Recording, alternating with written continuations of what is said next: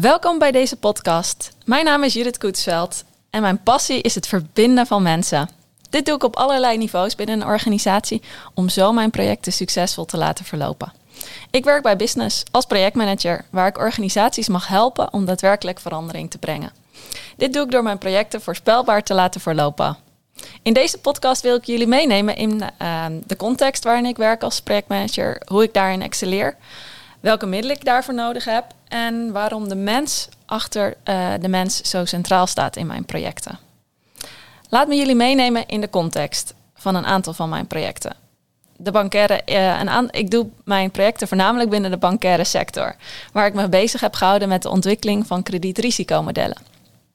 Deze modellen berekenen de kapitaalbuffers van een bank en worden zowel uh, intern gecontroleerd als uh, extern door de Europese Centrale Bank. En zijn dus onderhevig aan heel veel uh, wet en regelgeving. Complexiteit van deze kredietrisikomodellen en het ontwikkelen daarvan zit op verschillende vlakken. Voor uh, nou ja, externe regelgeving loopt niemand warm. De bank verdient er niets aan uh, maar maakt vooral enorme kosten, omdat er veel mensen werken aan, een, uh, aan de ontwikkeling daarvan.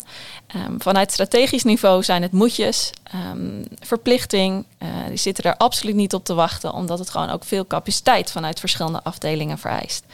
Daarnaast zit de business er niet op te wachten, omdat ze helemaal niet weten wat ze met die complexe modellen aan moeten. En ook voor hen kost het natuurlijk veel tijd. Maar als je hen weer niet meeneemt, dan worden er modellen ontwikkeld die niet aansluiten bij de werkelijkheid en hun manier van werken. Nou, ik zei net al, er zijn veel modellen betrokken of veel afdelingen betrokken bij de ontwikkeling. Je moet denken aan ongeveer zo'n nou ja, meer dan 10 modelgebruikers. En allemaal hebben ze verschillende eis, vereisten en uh, requirements. Daarnaast zitten ze ook door de hele bank heen, zowel van de voor- als aan de achterkant van de bank. Nou, dan moet het model nog geïmplementeerd gaan worden en uiteindelijk ook goedgekeurd worden. Zowel intern door modelvalidatie, die soms ook nog wel een andere interpretatie heeft van de wet en regelgeving. Dus een op, op een andere manier kijkt naar zo'n model. De benefits van dit soort modellen of dit soort projecten zijn pas echt aan het eind van het project zichtbaar. Als de modellen geïmplementeerd en goedgekeurd zijn. Zowel intern als extern door de Europese Centrale Bank. Dat betekent dus ook dat als het model niet goedgekeurd wordt, er uh, veel werkzaamheden uh, zijn die opnieuw gedaan moeten worden. Ook ik dacht in het begin heel vaak, uh, toen ik startte aan dit project, waar ben ik aan begonnen? Binnen deze complexiteit werk ik zowel op strategisch, tactisch als operationeel niveau. Ik neem mensen mee in wat er gedaan moet worden. Ik overtuig hen, uh, probeer weerstand te overwinnen. Dat vereist vooral ook veel samenwerking tussen stakeholders en capaciteit op het juiste moment om de resultaten te behalen die ik nodig heb. Ik leid deze projecten als volgt. Voor mij draait het altijd om de mens. Ik heb eerst de processen uiteraard binnen de bank gevolgd om mijn uh, projectresultaten te behalen. Maar deze brengen niet mijn uiteindelijke succes. Dat bereik je alleen met mensen. Natuurlijk weet ik ik de juiste resources moet aanvragen binnen de bank via jaarplannen. Um, ik maak netjes een intake voor IT-capaciteit. En ook weet ik natuurlijk hoe ik, um, wat de aanpak moet zijn, hoe ik data verbeter als input voor deze modellen. Maar dit heeft me niet altijd geholpen. Sterker nog, het werkt me juist vaak tegen. Dat zal ik uitleggen. Want dit soort processen van een organisatie moeten maar net binnen de tijdslijnen van je project passen. Ook um, als je project net na het jaarritme uh, start van um, een organisatie, wordt het erg lastig om achteraf nog resources te krijgen. En je moet ook vooraf weten welk type resources uh, je nodig hebt en welke kennis. Binnen banken wordt er veel gebruik gemaakt van data en de kwaliteit van deze data is uh, vaak nog onbekend. Um, je weet dus niet vooraf welke uh, kennis en kunde je nodig hebt om die data te verbeteren en de datakwaliteit te verhogen. Laat me jullie meenemen in een voorbeeld. Zo heb ik een project gedaan om de data dus te verbeteren voor, um, voor dat model. Het ging om data, historische data van meer dan tien jaar geleden. Um, en het ging om klantdata uit Chili welke overgenomen moest worden uit papieren dossiers.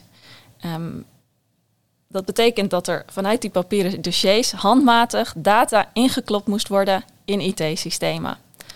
Probeer dat maar eens uit te leggen aan een Chileen, die er op dat moment echt helemaal het nut niet van inziet. Dan heb je toch echt heel erg weinig aan al die processen die in een organisatie geregeld, ingeregeld zijn. En komt het er echt op aan hoe je de relatie aangaat met deze mensen uit Chili. Ik probeer dan altijd mijn projectteam te empoweren door ehm, echt de focus te leggen op uh, het aangaan van de relatie met uh, de mensen uit Chili. En zo heb ik ervoor gezorgd dat mijn projectteam dat uh, na kon doen en zij het weer konden toepassen voor het ophalen van data uit andere landen. Nou, naast de processen in, in de organisatie heb je als natuurlijk als projectmanager je eigen gereedschapskist. Je zorgt voor een unieke en goede werkende governance. Je stelt heldere doelen op. Um, je zorgt dat je je risico's netjes vastlegt in een uh, risicolog. Dat is voor mij allemaal de basis. Als de basis op orde is, kan ik me gaan focussen op wat echt het verschil maakt. En dat zijn de mensen in mijn project. En natuurlijk het stakeholder management wat daarbij hoort. Mensen zijn degene die echt het verschil maken. Want alleen als projectmanager ga je het niet redden. Je hebt anderen nodig. Nou, hoe doe ik dat? Dat doe ik door de persoonlijke relatie op te bouwen met de mensen om me heen. En vooral hen het vertrouwen te geven dat ik er voor hen ben. Uiteraard verschilt um, dat per niveau. Je hebt strategisch, tactisch en operationele niveau. En het verschilt ook per type mens waar je mee te maken hebt. Een bestuurder verwacht natuurlijk iets anders van mij als projectmanager en spreekt een andere taal dan iemand uit mijn projectteam. De ene mens vindt het vooral fijn om het over de inhoud te hebben en de ander is ook geïnteresseerd in mijn persoonlijke leven.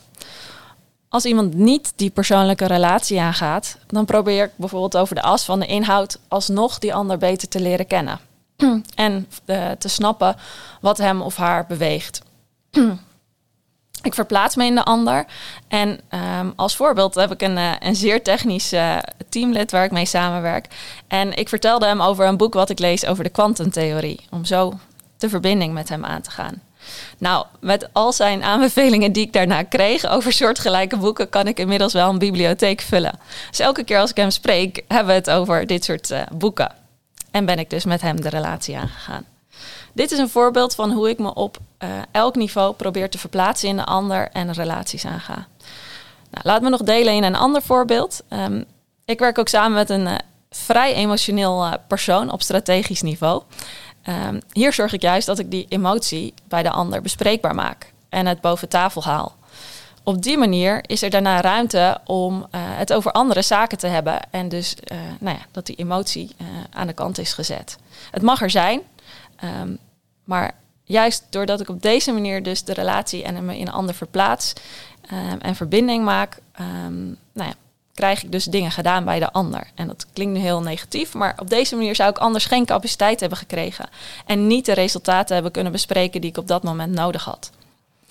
Ik maak dus verbinding met verschillende mensen door me enerzijds in hen te verplaatsen, hun behoeften aan te voelen en dan vanuit mijn eigen nieuwsgierigheid, ik ben echt heel nieuwsgierig, en op oprechte interesse in de ander, uh, de ander te leren kennen. En daarmee dus mijn project verder te helpen. Dat is voor mij geen trucje, want daar geloof ik niet in. Dat werkt niet. Mensen voelen feilloos aan wat je intentie is. En dit betekent niet dat je natuurlijk met iedereen een super positieve relatie moet hebben en BFF's moet zijn.